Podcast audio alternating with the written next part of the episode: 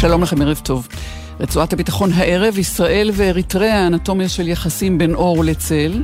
רטוריקה של מתיחות בצפון, אנטומיה של הסלמה לאו דווקא מתוכננת. כך גם מהפכה, 45 שנה לטבח יום שישי השחור באיראן, שממנו בקעה המהפכה החומניסטית. ו-50 שנה למלחמת יום הכיפורים, שיחה עם תת-אלוף בדימוס, אביגדור קהלני, לקראת שיגור נוסף של פרקים נבחרים מהסדרה שעשה כאן בגלי צה"ל ב-30 שנה למלחמה, אני נשבע לך. איתכם טלי ליפקין-שחק, ברצועת הביטחון, עכשיו. אנחנו פותחים uh, באריתריאה. שלום לך, דוקטור עירית בק, ראשת התוכנית ללימודי אפריקה באוניברסיטת תל אביב, ערב טוב. ערב טוב. אנחנו יום אחרי הדרמה הגדולה בדרום תל אביב אתמול, אבל הדיה עדיין מטלטלים את כולנו, אה, ומתחייב לנסות להבין את הרקע, את הבסיס וגם את ההשלכות שיש אה, לאירועי הדמים, האירוע האלים מאוד אתמול. תגדירי לי את אריתריאה, בבקשה. אוקיי, okay, אז קודם כל ההגדרה היא הגדרה אה, קשה להגדרה, כי אה, אה, בעצם אריתריאה הייתה חלק מההיסטוריה האתיופית אה, מקדמת דנה, אבל אה, אה, הכיבוש האיטלקי בסוף המאה ה-19 בעצם הסיט את ה...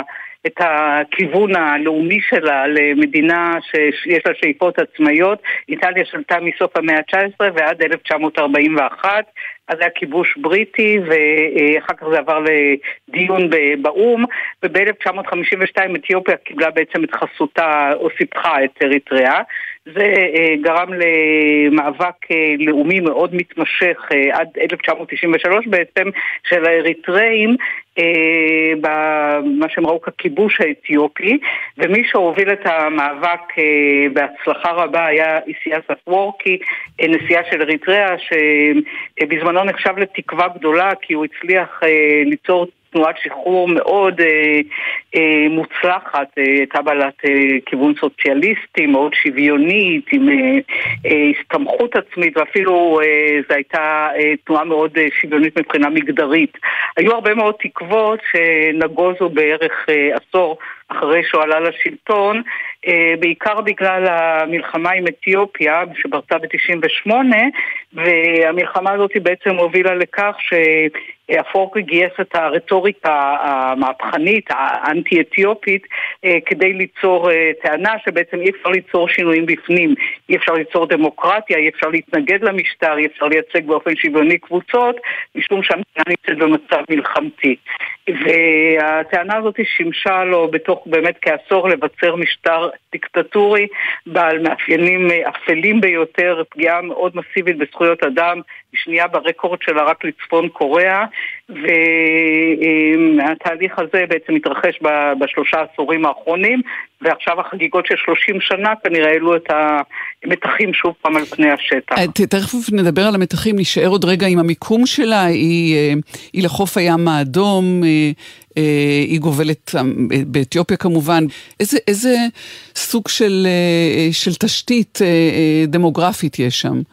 ו- היא וש- לא מדינה גדולה. שטח. היא לא גדולה, היא, מדינה... היא צפופה? לא. היא לא צפופה. גם, לא, לא צפופה במיוחד. מדובר על משהו כשישה מיליון תושבים, זו מדינה יחסית קטנה אה, ולא צפופה כל כך, אבל המיקום הגיאוגרפי שלה הוא לא רק לחופי ים סוף, מול המפרץ הפרסי, מול ערב הסעודית, בקרן אפריקה, אלא גם למעשה היא חוסמת את אתיופיה. אתיופיה אה, אין לה מוצא לים בשל mm-hmm, עצמאות אריתריאה. ולפיכך כל פעם היו תקוות שבעצם הם יתקרבו שתי המדינות. אה, ב-2018 נחתם אה, הסכם שלום על ידי, ביוזמתו של אבי אחמד, שגם זיכה אותו בפרס נובל לשלום על כך, אה, אבל השלום הזה נותר בגדר, בגדר שלום קר ולא הוביל לפריצת דרך משמעותית, שיכול למשל מאוד לסייע לכלכלה של שתי המדינות. המשאב העיקרי זה המיקום האסטרטגי שלה, שגורם אה, למעשה כמעט לכל מדינות העולם לרצות לשתף פעולה גם עם המשטר הזה, ובין השאר ישראל, יש לנו שגרירות שם, להם יש שגרירות אצלנו, כן. אה, יש יחסים ויש כנראה אה, הרבה מאוד אינטרסים. אז תכף נדבר על האינטרסים, נגיד עוד שזו מדינה ענייה מאוד. אה, למרות פוטנציאל שכן יש שם, ויש האומרים גם בגלל שדות המוקשים שנשארו אה, מהמלחמה עם אתיופיה. בכל מקרה, מדינה מאוד ענייה, והתושבים עוזבים. זה מה שמחבר אותה אלינו. ההגדרה של מבקשי מקלט או מבקשי עבודה, יש שמכנים אותם מסתננים, אנשים שמחפשים מוצא משם גם בגלל המשטר הדיקטטורי, אבל גם משום הצורך לשרוד ולהתפרנס. איזה, איזה חלק מהאוכלוסייה, דוקטור עירית בק, הוא, הוא מחפש את דרכו החוצה? מאז העצמאות ועד היום, במיוחד בעשור שמאז העצמאות, נמלטו עשרות אלפים בהמשך זה למאות אלפים, אה, בגלל השילוב הזה שציינת, של אה, פגיעה חמורה מאוד בזכויות אדם, למשל גיוס של צעירים שזה מוגדר ל-25 שנה והם נשלחים לעבודות כפייה וחלקם נעלמים בבתי, אה, במתקני כליאה ברחבי המדינה והצירוף עם העוני, עם ההידרדרות הכלכלית האיומה של המדינה הזאת. כמה יש מצבים של משפחות מפוצלות, שחלקן נניח בסודאן השכנה או, או, או באתיופיה, או שזה פחות קיים שם? מרבית המשפחות הן מפוצלות שם, אה, הפזורה, אם נדבר עם אריתראים שנמצאים בארץ, אז יש להם קרובים בסודאן ובמצרים ובאיטליה ובקנדה אה, ובאריתריאה. אמ, אם אנחנו נקשר את זה לאירועי אתמול, אה, הרבה מאוד חוששים שאלה שמכונים כאן תומכי משטר, הם רואים בהם סוג של משת"פים, אה, הם אה, מסכנים את המשפחות שלהם שם. ילשינו עליהם ויש סכנה למשפחות שם. זה אחת הגורמים לכך שה... המהומות היו בעל אופי כל כך סוער ורגשי סביב החששות האלה של לא רק מה יהיה בגורל הקהילה כאן, אלא גם מה קורה בגור... לגור... לגורל המשפחות שנמצאות באריתריאה. יש אה, דוח אה, של אמנסטי ולפיו אה, נמצאים גם בישראל וגם במקומות אחרים המשת"פים או, שליחי המשטר אה, שהם נועדו להיות אה, סוג של סוכני כאוס, ואפשר גם, אה, כמו שאת אומרת, לעקוב אחרי מתנגדי המשטר שנמצאים ולדווח עליהם, להזיק גם על משפחות שלהם. עד כמה הפרקטיקה הזאת של שליחת תומכי משטר כדי ליצור התנגשויות בתוך מדינות שבהן מוציאים מקלט המבקשים, היא פרקטיקה מוכרת? זה דבר שידוע הרבה מאוד שנים, וזה לא משהו חדש, אה, זה לא קיים רק כאן, זה קיים גם בקהילות אחרות, והמהומות דרך אגב הן לא ייחודיות לישראל, הן פרצו בעוד מקומות, כן. בשוודיה למשל, בעוד מדינות. אה, קשה לדעת, זאת אומרת, אין, אה, זה משטר כאמור מאוד מאוד סגור ולא שקוף, קשה לדעת באיזה פרקטיקות הוא נוקט, אבל השמועות הללו, או הטענות שבעצם יש שליחי משטר שפועלים לפורר את הקהילות מבפנים ועלולות לפגוע במשפחות בבית, נשמעות במשך הרבה מאוד שנים. הן קשורות דרך אגב גם למהומות של אתמול, משום שהיה צפי של אה, מנהיגי הקהילה כאן שעלולות להתפתח אה, אה, מהומות רציניות סביב החגיגות העצמאות של אריתריאה והטענות האלה לא טופלו כנראה ברצינות הראויה או בכלל לא והם אלה שהובילו לכך שלא הייתה היערכות מתאימה ודיווחים על כך התפרסמו אתמול בתקשורת.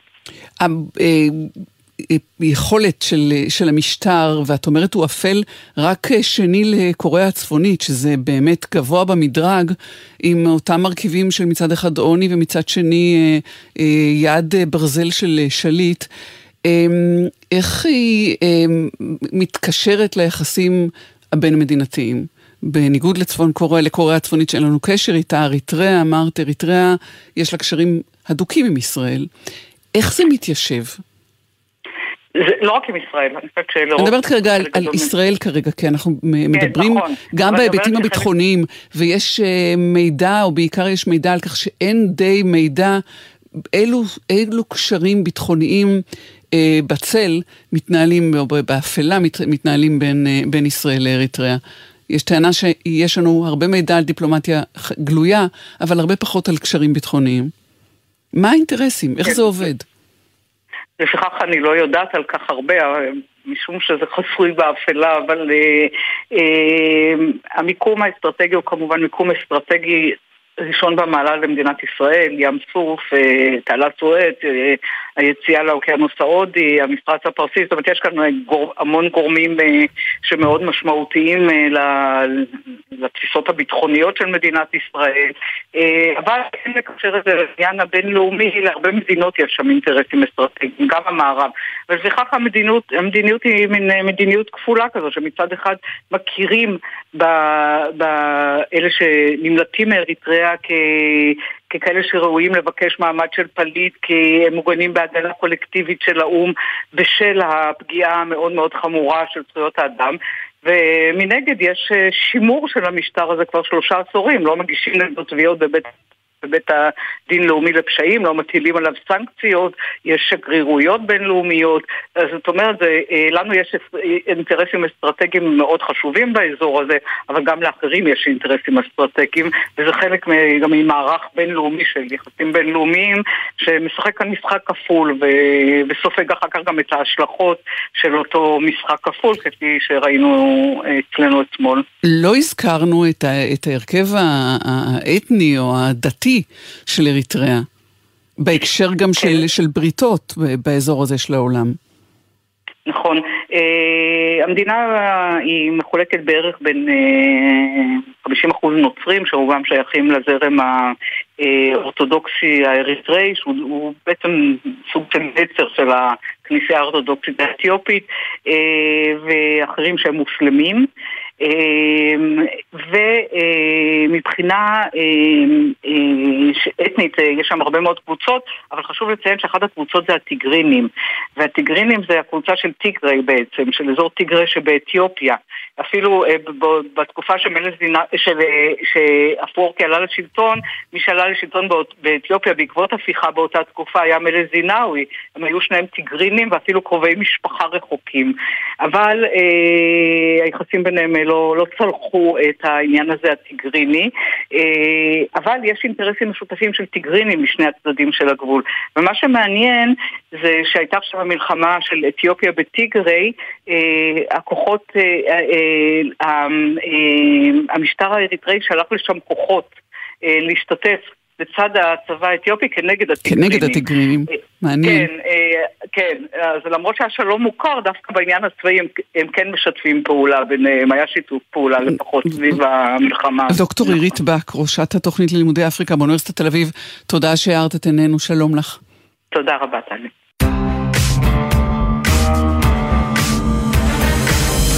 בשבוע שעבר ביקר אה, שר הביטחון יואב גלנט בניו יורק, היה במרכז אה, האו"ם שם, במטה האו"ם, ושם אמר, איראן דוחפת את חיזבאללה לפעולה, גוברת האפשרות אה, להסלמה. שניים איתנו, פרופסור רובי סייבל מהאוניברסיטה העברית בירושלים, לשעבר היועץ המשפטי של משרד החוץ, שלום לך. שלום, ערב טוב, טלי. ושלום לאלוף במילואים יעקב עמידרור, שהיה ראש המטה לביטחון לאומי, כיום חוקר במכון ירושלים לאסטרטגיה וביטחון, ערב טוב גם לך. ערב טוב. יחד ננסה לבדוק איך רטוריקה של הרתעה יכולה להפוך לדינמיקה של הסלמה ואפילו להגיע לכדי מלחמה, כשנקודת המוצא היא הבירור, ברור אה, אה, מה טעם מצא שר הביטחון לומר את הדברים שאמר, היכן שאמר אותם, בתזמון הזה. אבל עד כמה הדברים נשארים אה, במרחב הכוונה המקורית ומתי הם יוצאים מכלל שליטה, אלוף המילואים יעקב עמידרור. אה, תראי, אני חושב שהסיכוי ש, שמבצע גדול או מלחמה תפרוץ במזרח התיכון כתוצאה מהידרדרות שמקורה בדיבורים, הסיכוי הזה הוא מאוד מאוד מאוד נמוך. לעומת זאת, אני חושב שיש אפשרות ריאלית, והיא אפילו קרתה בעבר, אה, שכאשר מעשים מובילים להידרדרות. צד א' מסתכל על צד ב' ואומר, רגע, הוא מכין משהו נורא, אני חייב לפעול קודם לכן, ו... מחליט לצאת למבצע. גם אם צעד, אה, הצד השני לא התכוון לעשות שום דבר, הוא רק עשה צעדים שנראו ככאלה. והאפשרות השנייה זה שמישהו עושה מעשה, לא לוקח בחשבון איך המעשה או תוצאותיו ישפיעו על הצד השני, ואו המעשה עצמו או התוצאות החמורות שלו גורמות לכך שהצד השני אין לו ברירה אלא להגיב, אחרת הוא יאבד את מעמדו בעיני עצמו, בעיני אנשיו, בעולם. ו... וכך אה, הולך כיסא ובשולחן. אבל אני לא חושב שזה יהיה תוצאה של דיבורים. כמובן שדיבורים ברגעים כאלה יכולים להזיק ולהאיץ את התהליך. אבל המעשה עצמו הוא שיגבה על דעתי ולא דיבורים. אה, כדי להתרחק מהאירוע הספציפי הזה ולדבר בצורה יותר אה, אה, עקרונית על אנטומיה של אה, הסלמה, נגיד, אה, נקרא לזה ככה, איזה גורמים אמורים להיות מעורבים, ראשית בהחלטה מה אומרים איפה ומתי, ואחר כך באיך אה, שולטים אה, בדינמיקה שמתפתחת, אה, אה, אה, פרופסור רובי סייבל. אה, אני מסכים לחלוטין עם האלוף עמידור שמעשים גורמים למלחמה ולא דיבורים, אבל יש להם שתי משמעויות. אחד מהם הוא זה יכול להצביע על כוונת הצדד. אני חושב, דוגמה קלאסית, מלחמת ששת הימים. ישראל פתחה לראשונה התקפה, אבל דברי הרהב של נשיא נאצר אה, אפשרו לישראל להצביע על כוונת מצרים. ולכן אנחנו לא קיבלנו גינוי כתוקפנים, למרות שאנחנו פתחנו במלחמה. לכן בהחלט היה משמעות לדברים שנאצר דיבר. תפקיד שני יכול להיות אם מכריזים מלחמה. אני חייב להעיר שאני חושב שהפעם האחרונה שהכריזו באופן פורמלי על מלחמה היה צ'יימבלין במלחמת העולם השנייה. מדינות כבר לא מכריזות על מלחמה. אבל אם הן כן עושות את זה, אז זה הופך מבחינה משפטית את המצב של משלום למלחמה עם כל המשמעויות של זה. דהיינו, מדינות אחרות יכולות להפוך לניוטרליות, אסור להם לספק נשק. אזרחי המדינה השנייה נהפכים לאזרחי אויב, אפשר להחרים את החוש שלהם. הרבה משמעויות בחוק הפנימי של מדינה וגם במשפט הבינלאומי. אבל שוב, אני חייב להוסיף שמאז מלחמת העולם השנייה מדינות נמנעות מלהכריז מלחמה, אלא מדברים על, על פעולות צבאיות אה, התקפה, הגנה, אבל לא הכרזת מלחמה פורמלית. אז אולי מדינות לא מכריזות על מלחמה, אבל אה, חדרים שבהם מתקבלות החלטות אה, עושים אה, הערכות מצב. ואתה, אלוף במילואים עמידרור, יש לך פרספקטיבה של מי שהיה, אמרתי, ראש המטה לביטחון לאומי, אבל גם ראש חטיבת מחקר. שזה מי שמביא את המודיעין, מזכיר צבאי לשר ביטחון ששם יושבים אה, אה, וגם מנסחים כל הודעה כזאת שבסוף תצא, אני, אני רוצה להאמין או לשאול אותך אם באמת זה קורה ככה, זה עובד ככה. יש דרג מדיני, יש דרג פוליטי, יש דרג מקצועי שהוא הדרג הצבאי או, או המטה אה, לביטחון לאומי, ואת אה, נציג, ואת אנשי משרד החוץ לצד המשפטי וגם להשלכות. זאת אומרת, יש איזה מערך שלם שאמור לשלוט באופן שבו כוונה הופכת אה, למסר. ומסר עלול להפוך לתהליך. כן, אבל אני עוד פעם רוצה לומר, בסופו של דבר המציאות ולא המילים היא שעושה את ההבדל. מלחמת ששת הימים שרובי הביא היא דוגמה פנטסטית. עד היום אנחנו מתווכחים, אנחנו העוסקים במצרים, האם נאצר התכוון באמת לתקוף, אבל בדבר אחד לא היה ספק, היערכות הצבא שלו אפשרה לו את התקיפה, זאת אומרת, הוא ערך את הצבא בצורה שונה, באופן שמי שישב בצד הישראלי הסתכל, אמר, הבחור הזה מכין משהו. וזה במפורש גרם להתרחשות שהובילה למלחמת... אה, למלחמת ששת אה, הימים. אה, התקדמנו משם, בואו נדבר על משחקי מלחמה שעושים היום כדי לייצר סימולציה. היום משחקי המלחמה אני יכול להגיד, כי אחרי שזה פורסם בעיתון, אז אני יכול להגיד, בכלל לא התכוונתי להגיד זה במשחק מלחמה הגדול האחרון של צה"ל, תחת הרמטכ"ל הקודם, ביקשו ממני להיות ממלא מקום ראש הממשלה. ו- ו- ובאמת הסצנריואים, או חלק מהסצנריואים, הם של הלך כיסא בשולחן. זאת אומרת, כן? מישהו עושה איזה פעולה, מישהו עושה איזה פעולה, היא, היא מביאה לתגובה שלנו, התגובה שלנו מביאה להחרפת הפעולה של הצד השני, ובאיזשהו רגע ברור לכולם, גם אם הם לא התכוונו מראש, שהולכים למבצע. אבל צריך להיזהר מהסצנריונים האלה, כי הם מטרתן בסוף היא סירגולית, ולכן צריך, כדאי לחזור למציאות ולראות איך זה היה במציאות. אבל... ב-2006 המבצע, המבצע ב-2006 הוא דוגמה קלאסית למה שאני אמרתי. נסראללה אמר אחרי זה, אם הייתי יודע שככה זה ייגמר, לא הייתי מתחיל, אבל, אבל הוא פתח במשהו שחייב, בגלל התוצאה הנוראית שלו, שלושה חיילים אה, חטופים מתים, או חטופים או מתים, להגיב, והתגובה הביאה להידרדרות אפשר היה כבר לעצור אותה אלה במבצע גדול. אז, אז אה, פרופסור רובי סייבל, איפה המקום של משרד החוץ, של הייעוץ המשפטי של משרד החוץ במשחק המלחמה, בתהליכים, אה, או אלה שמתוכננים מראש, או אלה שמתחילים להתרחש ו, וצריך לראות איך, איך עוצרים את הדהירה? אני מתבייש להודות שבדרך כלל זה בדיעבד. מבקשים, אחרי שיש מבצע, מבקשים ממשרד החוץ ומערך משפטי להסביר למה ולמה זה היה חוקי. בדרך כלל לא שואלים לפני אה, אה, החלטה על מבצע צבאי. אולי היה רצוי, אבל מהניסיון המעשי שלי אנחנו נכנסים לתמונה לאחר מעשה. שזה מחייב איזשהו הסבר uh, קצר איך הדברים האלה עדיין קורים? האם לא ברור שמשרד החוץ צריך להיות חלק מתהליך כזה, בין אם בסימולציה ובין אם במצב אמיתי? אני חושב שכן, ובהערכה מדינית מה יהיו תגובות של המעצמות, בהחלט מתחשבים במשרד החוץ. אבל לגבי הנושא המשפטי, שוב, בדרך כלל זה לאחר מעשה. אה, ניסיון שלי אישי, מבצע אנטבה לא, לא ביקשו אישור שלי או חוות דעת לפני כן, אלא כאשר המטוסים כבר היו באוויר, פנו אליי, אמרו, עכשיו תסביר למה זה חוקי, ואכן, לפי דעתי זה היה חוקי. כלומר, לא הייתה לך בעיה להסביר את זה. אנחנו, אנחנו צריכים כבר לסיים את הסיכרונות הקטנה הזאת בינינו. אה, אלוף מילואים מדרור, אנחנו קרובים להסלמה בצפון, אנחנו נביא אותה, או אם אנחנו רוצים שהיא תקרה, אנחנו רוצים למנוע אותה. מה אנחנו רוצים, אם אפשר לא, להבין מההודעות הללו? אני חושב שהמדיניות שלנו היא די ברורה במשך השנים. לישראל יש אינטרס גדול מאוד לדחות מבצעים גדולים ומלחמות, אה, משום שאנחנו מנצלים את הזמן בין המבצעים האלה לחיזוקה של מדינת ישראל. אבל שני דברים יכולים לשנות את זה. אחד, אם תהיה לנו תחושה שבצד השני מתחולל איזשהו שינוי שיביא ליכולת שאיתה לא נוכל להתמודד, ואנחנו לכן חייבים לפעול מוקדם יותר. עשינו את זה פעם אחת בתולדותינו בצורה ברורה, זה ב-56 וב-67, כמו שאמרתי, עדיין תחת אה, שאלה מה באמת התכוונו המצרים.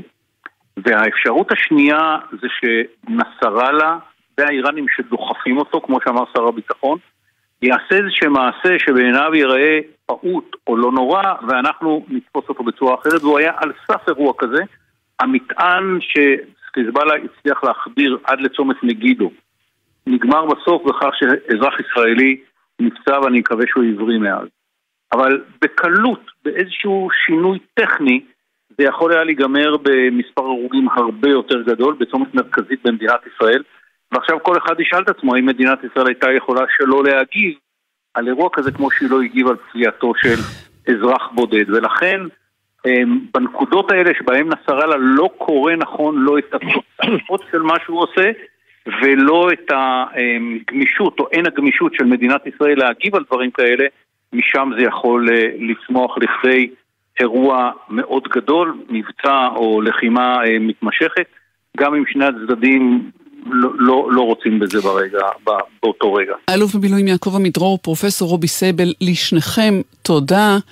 הודעות תחנה וחוזרים. בחסות אסום נדל"ן, המציעה הטבה ותנאים בלעדיים לעמיתי קרנות השוטרים. קרנות השוטרים בשכונת בוסתנים החדשה בשדרות. פרטים באתר או בכוכבית 2061.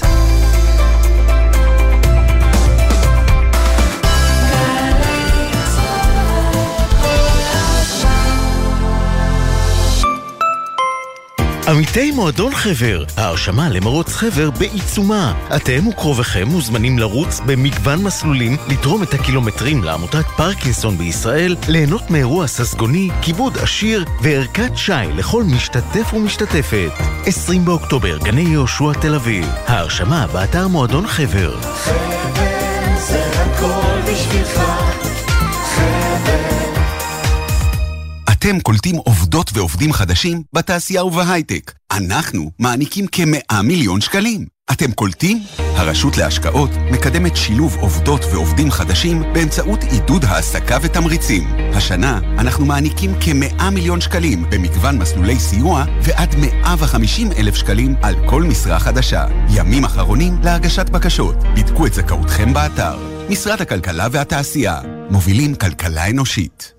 מועדון ההטבות של מנוי פיס. כל ההטבות שתוצאנה אתכם לבלות וליהנות. מסעדות, קולנוע, הצגות, מלונות, ספארי ועוד שפע בילויים במחירים בלעדיים. רק למנויי הפיס. עוד אין לכם מנוי? להצטרפות חייגו, כוכבית 3990. תבלולו! המכירה אסורה למי שטרם מלאו לו 18. אזהרה, הימורים עלולים להיות ממכרים. הזכייה תלויה במזל בלבד. מהאולפנה והתיכון למשרד הביטחון. אנחנו מבטיחים לך תפקיד איכותי ועתיד משמעותי בליבת העשייה הביטחונית של מדינת ישראל. מצוינות וציונות הן אצלך בנשמה? בואי לשירות לאומי משמעותי במשרד הביטחון. במגוון תפקידי סבר סייבר, טכנולוגיה, הדרכה, לוגיסטיקה, משאבי אנוש ותקשורת. ותוכלי להיות חלק מן העתיד הביטחוני של המדינה ושלך. ההרשמה לשירות הלאומי החלה. פרטים באתר עמותת של שילה, עמותת בת עמי, עמותת שלומית שילת ומשרד הביטחון. הכי שירות, הכי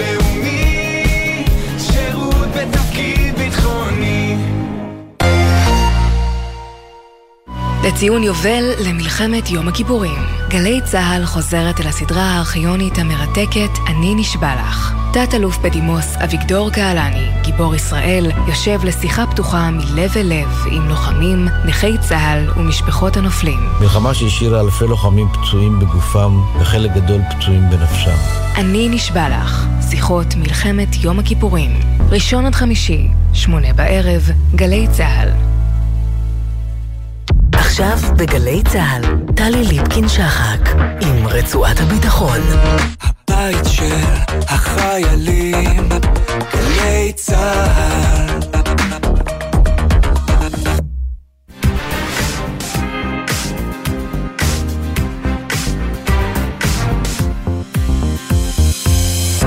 ואנחנו בפינתנו השבוע לפני.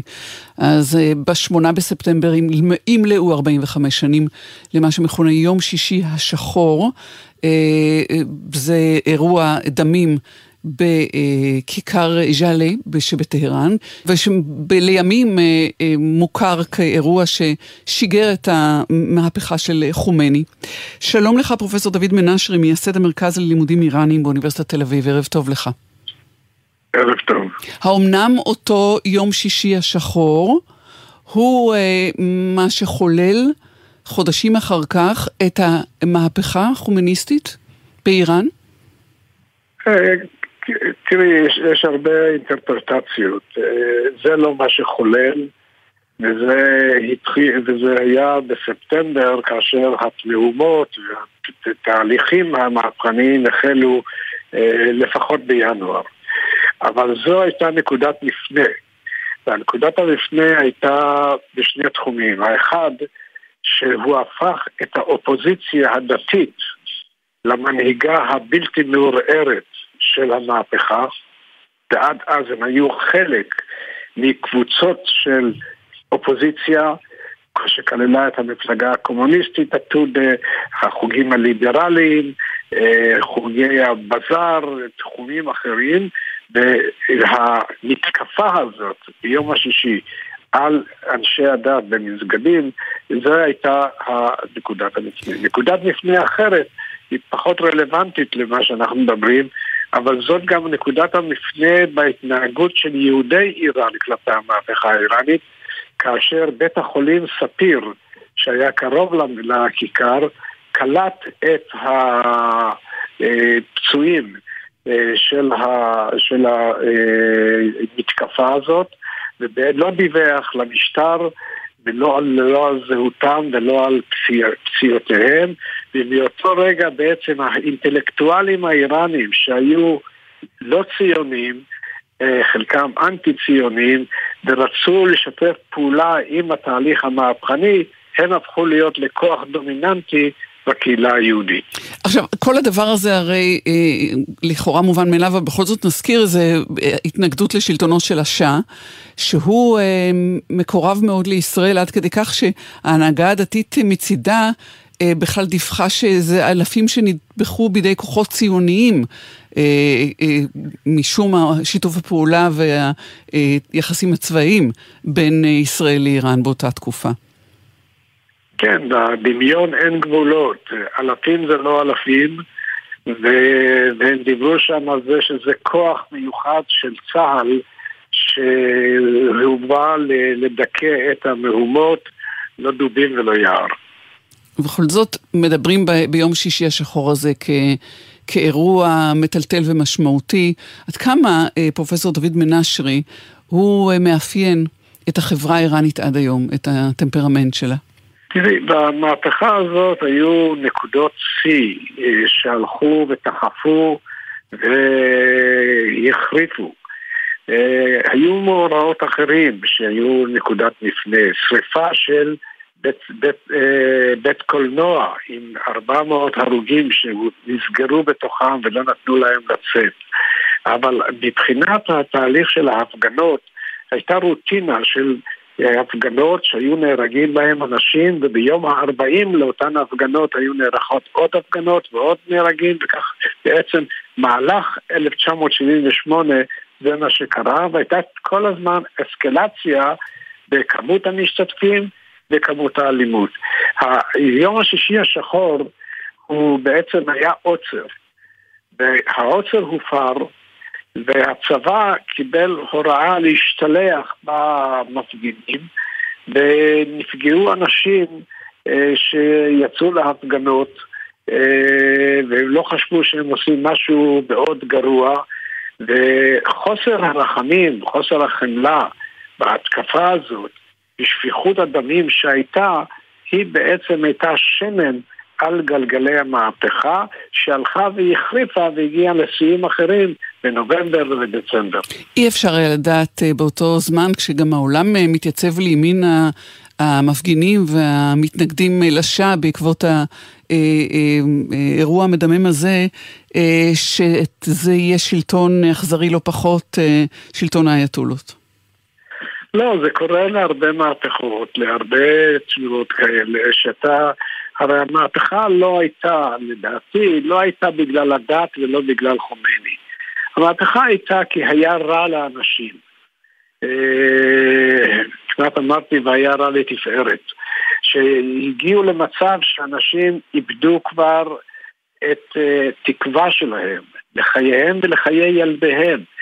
ואז, ואז בעצם האופוזיציה, ההנהגה, נתנה uh, אופציה לדרך אחרת, uh, וזה לא היה קל להסתפח אל שורות המפגינים באותה תקופה, כשהשאה היה לו כוח אדיר, ויש לומר לזכותו שהוא נזהר במידה רבה לא להביא לשפיכות דמים, והוא בעצם דיבר על זה גם אחרי שהוא ירד מהשלטון, שהוא שמח שהוא לא נתן דרור לאלה שרצו להשתלח ו... ולהרוג במפגינים לאורך כל השנה הזאת. בכל זאת הייתה שם איזה מיסקלקולציה, כמו שאומרים.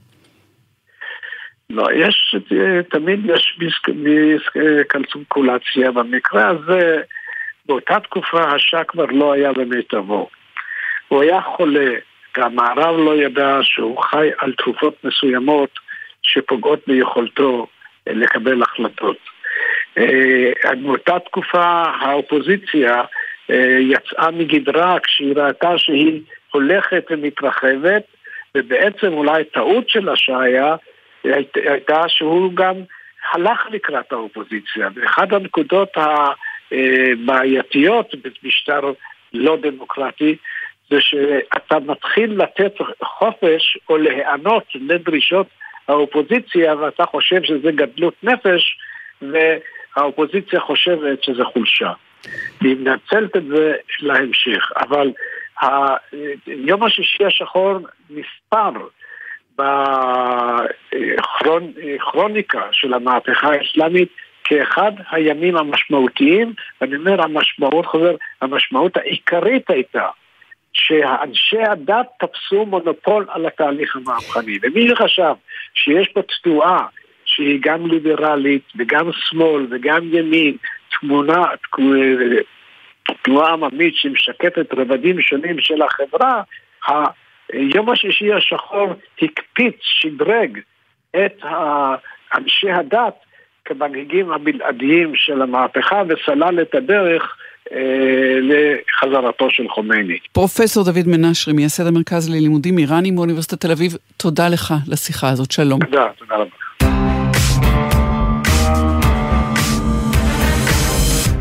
בן 79, אה, עתיר התנסויות ושיאים של עשייה, בעל משפחה ענפה, מרובה חברים, למוד כאב, גם חולי פתאומי, ומבחני גבורה בקרבות האש ובמלחמה על החיים, על השם הטוב, על הדרך.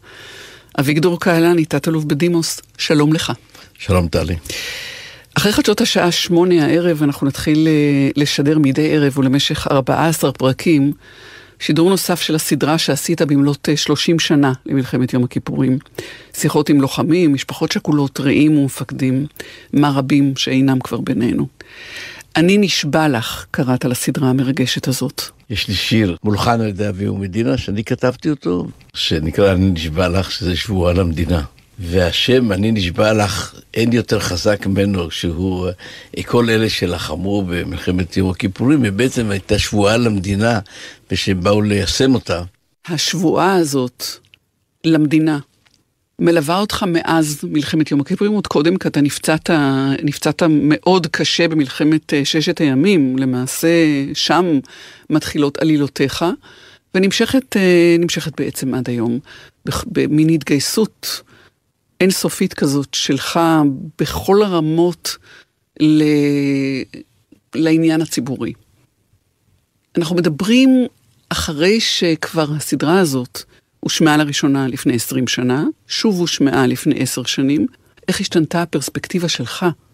קרוב ל-80 אתה כבר, אחרי עוד 10 שנים ואחרי 50 שנה מאז, בחוזה הזה עם המדינה.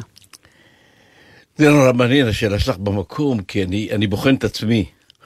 ואני אומר לעצמי, האהבה שלי, הקשר העמוק הזה של המד... המדינה, הוא קיים אצלי מגן הילדים. אני זוכר שאני צמחתי לתמונות מהשואה, וזה זעזע אותי, ומאחורי הבית שלי את השכונה הערבית, במלחמת השחרור, והם ברחו, ואבא שלי, אה, הם ירו לנו לתוך הבית, ו...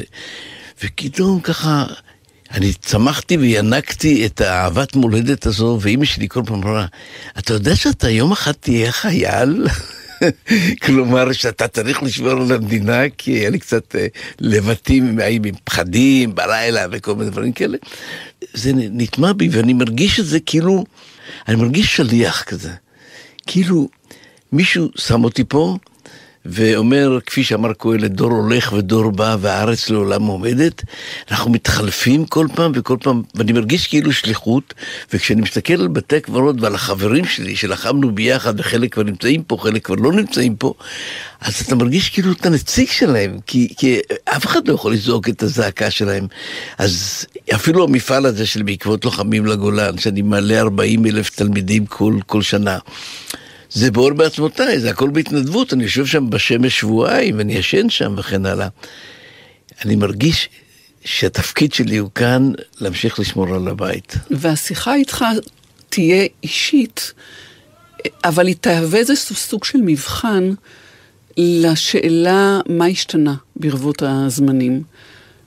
גם בעקבות לוחמים, המפגש שלך עם נוער, פני המדינה, החברה, האווירה הכללית.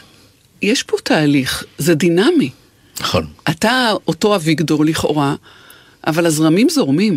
נכון, אני מסכים איתך, יש... אה, אה, הגבינה זזה מצד אחד, מצד שני, אה, הדור שבא עכשיו הוא דור אחר לגמרי. השתנה פה משהו רציני מאוד. אנחנו יותר עוסקים בעצמנו. מאשר בכלל. אתה אני, מודאג מזה, או שאתה מבין את זה? אני מבין את זה, אני לא חושב שאני יכול להילחם בזה, אני רק יכול להניף את הדגל ולומר להם, תחזיקו את הדגל. אז אתה משנה משהו ב... אה, נאמר בארגז הכלים שלך. כן. המטרה שלך היא אותה מטרה, אני מבינה, היא לא משתנה. היא הייעוד שלך. אבל ארגז הכלים צריך להשתנות כי צריך שפה אחרת, צריך להבין רוחות אחרות. כן. אין ספק, אני חי עם ילדיי וחי עם נכדיי, ויש לי נכדה שהתגייסה לפני איזה חמישה ימים. אני חי את זה ואני נושם את זה. לכן אני, אני יודע להתאים את עצמי לשפה של היום. לא שאני משנה את התפיסה לאן אני רוצה להוביל, אבל השפה, אני צריך לדעת לדבר עליהם בשפתם. מבחינה זו להשתמש במושגים שהם משתמשים בזה ביום-יום. אני מסכים עם זה, אבל בסוף המטרה היא אחת. ביום שבו אדם נקרא לתת מעצמו לטובת הכלל, שהוא יגיד, הנני. וזה המטרה. עכשיו, איך לגשת ואיך להוביל ואיך לשכנע, אני לא יודע להגדיר כמה אדם מתגייס לצה"ל בגלל המוטיבציה האישית או המוטיבציה הלאומית. אני רק יודע דבר אחד, שאם אני אעמיד לו אתגרים, אני, הצבא, המדינה, תעמיד לו אתגרים, אולי המוטיבציה האישית תגביר אותו שירצה להיות מפקד, שירצה להיות לוחם, שירצה להיות קצין, וכך הרווחנו גם המוטיבציה האישית שמשפיעה על המוטיבציה הלאומית. אני רוצה, אה, אה, תת-אלוף בדימוס אביגדור קהלני, לאתגר אותך עם אה, סוגיית השכול, ועם הכלי הזה בארגז של אה, המתים המונחים לפנינו, הנספרים. אתה באופן אישי, ואי אפשר שלא להזכיר את זה, שכלת את אחיך, עמנואל, במלחמת יום הכיפורים, גם את גיסך, אילן שמעיה, חברים הקרובים, ואנחנו יודעים שחברים הם כמשפחה והאובדן הוא אינסופי. ועדיין, התמה הזאת של אה, ספירת הנופלים, והייתי אומרת כמעט האידיאליזציה, או קידוש הנופלים, היא אולי מחייבת חשיבה מחדש. האם אנחנו בונים את האתוס שלנו על, על המוות או על החיים? אנחנו ממשיכים לחיות, אלוהים זיכה אותנו שאנחנו פה. יכולנו כפסע לא להיות פה. אנחנו מכירים הרבה מאוד אנשים, כולל uh, חלק ממשפחתך. יש לנו מזל שאנחנו פה. עכשיו, אנחנו יכולים לשכוח, כפי שכתוב באחד הפסקאות בתנ"ך, אחרי שנה שוכחים אותו, או להמשיך ללכת לאורו. כשאנחנו אומרים הולך, הולך לאורם וציוו לנו את החיים, אלה מושגים שאנחנו מדברים, זה סיסמאות, אבל יש מאחוריהם הרבה עומק. אז כלומר, כשאני מסתכל לאחור, ואם אני נמצא בבית קברות ואני רואה את המתים האלה, את החברים שלנו, ש, ש, שיכולתי להיות איתם, אז אני אומר, האם אני ממשיך את דרכם? האם אני, הם יכולים להיות גאים בי כי אני אה, לא מפשל בדרך של זה? האם אני ראוי למותם? אה, כל הדברים האלה, אני שואל את עצמי, וזה כאילו צוואה שהם השאירו לי. הם השאירו לי צוואה שאני נציג של דור, שאני רוצה להמשיך אה, ולומר להם, אתם נפלתם על קיומה של המדינה הזו, אבל מישהו צריך לשמור, ובמקרה אני פה, אני אמשיך לשמור. והלשמור, גם הוא משנה את פניו. היית בקפלן ב... במיזם של הטנק שעומד שם אה, במחאה במוצאי שבת? המקום האיסוף, הכינוס אה, של לוחמי 73? אני לא הייתי שם, אני גם לא הולך להפגין, בחיים שלי לא הפגנתי. אה, אני לא יודע, אני זוכר שגנבו טנק ברמת הגולן ואני יצאתי נגד זה, זה חלק מטנק, מאנדרטה שהייתה בתל סאקי. אני חושבת שלא גנבו וגם הבהירו את זה, אבל אין לנו פה את הפרטים כרגע. לא משנה, אני בדקתי עם זה שאחראי לתל סאקי, נגסקר קוראים לו, והם לקחו אחד הטנקים שהיו שם, שהושמלו מחלקה שהסתערה על התל. לא חשוב, אני יצאתי נגד הדבר הזה, כי אני חושב שלא צריך, גם לא צריך, גם בסמלית, לא לעלות על הממשלה עם טנקים.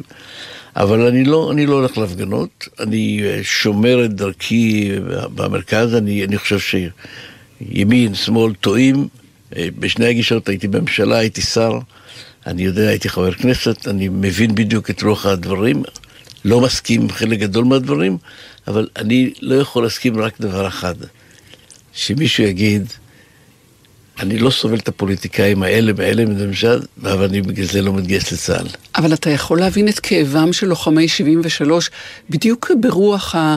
אה, אני נשבע לך. אני יכול להבין, אבל בוא, בוא נעשה רגע אחד חישוב. לוחם 73 הוא בן 70. לא פחות, בן 70. זאת אומרת, צריכים להיות אנשים בני 70, ממש חרוטי קמטים, מה שנקרא. אני יכול להבין, אני, אני, אני מסכים, אני, לא, בסדר, אני... בדיוק מאותם הטעמים שבהם אתה מזכיר את אלה שנפלו ולמען מה נפלו ואיזו מדינה הם רוצים. אז אנחנו לא נכנסים כרגע למה נכון או לא נכון, אבל את כאבם של מי שחשים... שזו לא הדרך. אני, אני מסכים, אני מסכים, אני מחש... משום את... שהיו כן, שם. כן, אני חש את כאבם. הם לא אלה שאומרים שהם לא יעלו על המטוס ולא יעלו על טנק. אלה שני... אני חש את כאבם, חד משמעית, אני, אני חלק מהם. אני חלק מהם, אני חש את כאבם. אני כל הזמן מסתכל, אני, אני רוצה לתקן ולתקן ולתקן. אני חש את כאבם. אה, אני חושב שגם אלה שבששת הימים כואבים, ואלה שאחרי זה כואבים, כולנו כואבים. אולי זה מביא אותנו לשאלה של עמידות החומרים שאנחנו נשמיע החל משמונה בערב היום, אה, את, את אותם פרקים של שיחה שלך. מהו הכוח לדעתך שמוצא, שאנחנו מוצאים לנכון לשוב ולשדר את אותן שיחות עצמן שוב ושוב מדי עשור? תראי, אני זוכר את, ה, את הרעיונות, היו פה 70-80 אנשים, מחיל האוויר ומחיל הים ומחילות הקרקע וכן הלאה, והיו שם פצועים והיו שבויים ועם פוסט טראומה ובלי פוסט טראומה וכן הלאה. ואת השיחות אני זוכר טוב. ומכאן שהקולות של האנשים האלה יכולים לתת לנו עוד היבט היסטורי, כי בסך הכל, בואי נ- בואי נעשה חישוב, בן 60 היום, הוא לא ידע שום דבר על מלחמת יום הכיפורים, אלא אם הוא קרא. בן 60 הוא היה בן 10 באותה תקופה. מה על בן 30? ש- בן שכבר 30 נולד? בכלל לא חושב שזה יהודה והמכבי ובר כוכבא התערבו ביחד. ואתה מניח שהדברים שאנחנו נשמיע, אנחנו מניחים כך, שנשמיע שוב, ייגעו אל ליבו? חד משמעית, יש, הייתה סדרה של שעת נעילה, ואני הסתכלתי עליה וכן הלאה, ואמרו לי, האם זה ככה, האם זה ככה, אמרתי, עזבו את כל מה שהאם זה מדויק או לא מדויק. אני יכול לומר דבר דבר, הסדרה, שעת נעילה, הציפה את מלחמת יום הכיפורים, ולכן אנשים שואלים על המלחמה הזו, מתעניינים במלחמה הזו, וזאת הסדרה שהייתה. לכן גם התוכנית הזו, היא תגרום לאנשים לשאול שאלות, להתעניין, ו- וחשוב מאוד, כי הפצע הזה של מלחמת יום הכיפורים, חשוב שהוא... אה, לא יגליד לנו סופית ונשכח ממנו. חשוב שתמיד הצלקת תישאר, כיוון שמהנושא הזה אפשר ללמוד איך להמשיך לשמור על חיינו כאן. אמרת פצע, ואני תוהה עד כמה הדור הזה שלך, ואתה במיוחד אה, עשוי פלדה, אה, פלדת השריון, מכיר בפוסט-טראומה ובאלפי רבבות אנשים שמסתובבים בינינו, ויותר מזה, פצועים. את נוגעת אה, כרגע, זה בדיוק אה, נושא כאוב מאוד, הנושא של הפוסט-טראומה. אני, אה, אני מקבל שיש פוסט-טראומה. אני, סביר להניח שאני אחרי 67 שנה בבית חולים, 12 ניתוחים, הייתי צריך להיות עם פוסט-טראומה. אז קיבלתי החלטה ואני עשיתי. אני רק מציע לאנשים עם פוסט-טראומה, ואני, מתוך אהבה, תנסו לנצח. תנסו להתמודד עם זה, לא לקבל את זה כמובן מאליו, תנסו להתמודד עם, עם הכאב, תנסו לצאת לעבודה. הם לא תנסו- יכולים לבד, הם צריכים עזרה. זה כמו, זה כמו אה, אדם שקטעו לו רגל, הוא לא יכול ללכת אם אין לו אה, אה, אה, הפוסט-טראומה פרוטזה. יש לה- יש לה דרגות שונות. זה אני, נכון, אני אבל- מתעמל בבית הלוחם כל יום, ואני פוגש אותם כל יום. יש פוסט-טראומה של אנשים שהיו שבויים, יש פוסט-טראומה של אנשים שיחצו מהמלחמה. אתה מכיר בזה שזו, שזו נכות, שזה כאב, שזה מחייב טיפול, שזה מחייב הכרה בדבר? אה, בטוח. תשמעי, זה- הכאב שם יותר גרוע מאדם שקטעו לו רגל. זה אה, חד משמעית, הכאב של פוסט-טראומה הוא יותר קשה ממי שקטעו לו רגל. ההוא רואה טכנית, שמים לו זה והוא יוצא. פוסט-טראומה הוא לא שולט במה שקורה לו בגוף, הוא לא שולט, המשפחה שלו נהרסת, אשתו נהרסת, הילדים נהרסים. ולכן אני מכיר בזה, אבל אני אומר להם, תנסו להיאבק. אז, אז אליך, לקראת uh, סיום השיחה הזאת, אליך אביגדור קהלני, בחזרה אל האיש הפרטי אביגדור קהלני. Uh, איפה, איפה הצלקת שלך, הנפשית? איפה, איפה הכאב שאתה מעז או לא מעז להתעמת איתו עוד כשאתה עוצם עיניים בלילה? אני חששתי מאוד שיש לי פוסט-טראומה אחרי 67. כשיצאתי מבית חולים אחרי שנה, שאלו אותי, אביגדור, לאן אתה הולך? אז אמרתי, אני חוזר. אז אמרו שהסתכלו עליי כמו משוגע, היה לי פרופיל 20 ומשהו ו-73 אחוז נכות. ואמרתי, אני אנצח, אני לא רוצה להיות מסכן, ואני נאבק עם זה. אבל 67 זה צד אחד, והצלחתי להתגבר על זה. אבל 73 עשתה אותי אדם יותר רגיש. אני מרגיש כשאני רואה אימא נפגשת עם ילד שלה, זה מזיל לי דמעה. כשאני רואה, מדבר על אח שלי, או על האח של אשתי.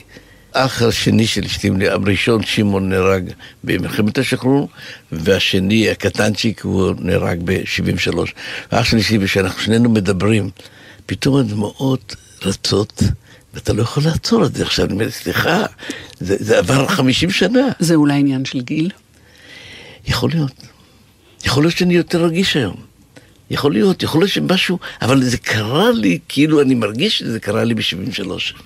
ומכל הגלריה המרגשת והמגוונת של אנשים שדיברת איתם ב-18 הפרקים המקוריים של אני נשבע לך, עם מי הכי היית רוצה שוב להיפגש ולדבר איתו? יש שם הרבה דמויות שכבר לא חיות בינינו. יש שתי בנות שהפגשתי כאן, משולם רטס, שהבת שלו הייתה בת שנתיים, וגדעון ויילר, שהבת שלו נולדה אחרי, ושהוא היה סמג"ד. הוא היה מג"ד, משולם רטס ונהרג, ממש שני מטר ממני, אה, וגדעון ויילר שנהרג ואשתו הייתה בהיריון. אני נפגשתי אותם כאן, באולפן, ואני בכיתי כששמעתי אותם מדברות. זו הייתה שיחה של שתי בנות שיש להן גורל אחד, ההורים, האב מת ממש אחד ליד השני, ופתאום הפגשתי אותם פה והם לא ידעו, הם לא הכירו אחת את השנייה, וזה היה מרגש מאוד. זה פרק מדהים, ואני נחנקתי באולפן. ואל מי בכל זאת מחבריך הלוחמים שדיברת איתם, הוא כבר איננו, היית חוזר? יש uh, כמה אנשים שאני ממש, uh, אחד זה יאנוש. אחד, בחר לי אחד. אני בוחר את יאנוש. אה, יאנוש בן גל. יאנוש בן גל, מפקד החטיבה שהייתה לנו שיחה ארוכה, אבל תרשי לי לבחור עוד אדם אחד, תרשי לי ברשותך, אמי פלנט. אמי פלנט, חברי הטוב, שהוא היה מ"פ מוביל אצלי, שנפטר לפני שנה מסרטן, שהוא הפכנו להיות חברים בדם ובנפש. אלה שניים, אבל, אבל אני לא רוצה לחטוא לאחרים. נחזור אה, ונשמע שוב את פרקי אה, אני נשבע לך, 14 מתוך 18 הפרקים, אה, אביגדור קהלני. תודה רבה שדיברת איתנו. תודה, טלי. שלום. ועד כאן רצועת הביטחון הערב, מפיקה ראשית של הרצועה היא נועה נווה, מפיקים אליעזר אנקלוביץ', שיר דוד וורדי שפר, על הביצוע הטכני הלל שמואל, בפיקוח עומר נחום, אני טלי ליפקין שחק, ערב טוב לכם כולכם, היו שלום.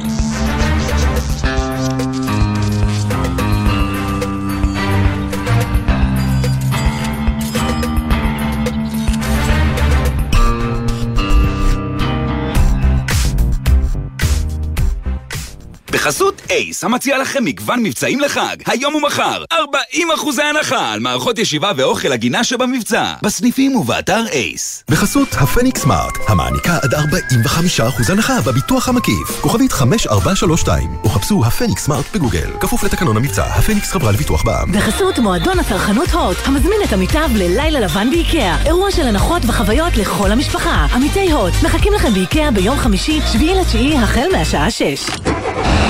נשמע, נשמע, סוף השבוע,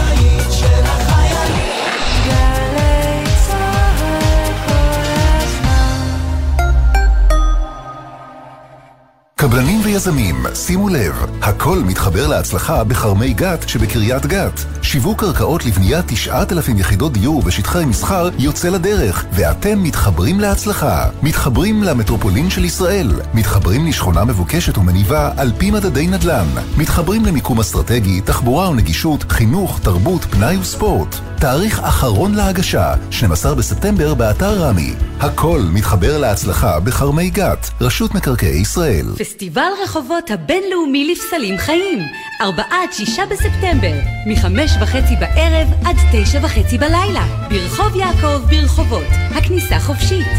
חגיגה של יופי, צבע ואומנות לכל המשפחה. חפשו ברשת פסטיבל רחובות הבינלאומי לפסלים חיים.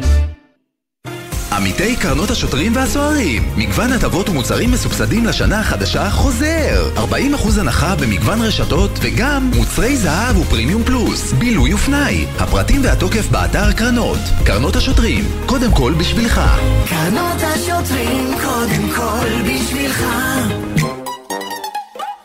עכשיו בלוטו 22 מיליון שקלים, ובדאבל לוטו עד 44 מיליון שקלים. הופה! המכירה אסורה למי שטרם מלאו לו 18. אזהרה, הימורים עלולים להיות ממכרים. הזכייה תלויה במזל בלבד. לא צריך להיות חכם גדול בהנדסה כדי לחשב מרחק ביטחון. עם פתיחת שנת הלימודים, אנחנו מזכירים לילדים, לרכב ההסעות ממתינים הרחק משפת הכביש, ולא מתקרבים אליו עד שהוא עוצר עצירה מלאה. כשיורדים מהרכב בסוף הנסיעה, חוצים את הכביש בזהירות, רק אחרי שרכב ההסעות יתרחק מהמקום. שתהיה לכולנו שנת לימודים מוצלחת ובטוחה. הרלב"ד, מחויבים לאנשים שבדרך. אתם מאזינים לגלי צה"ל.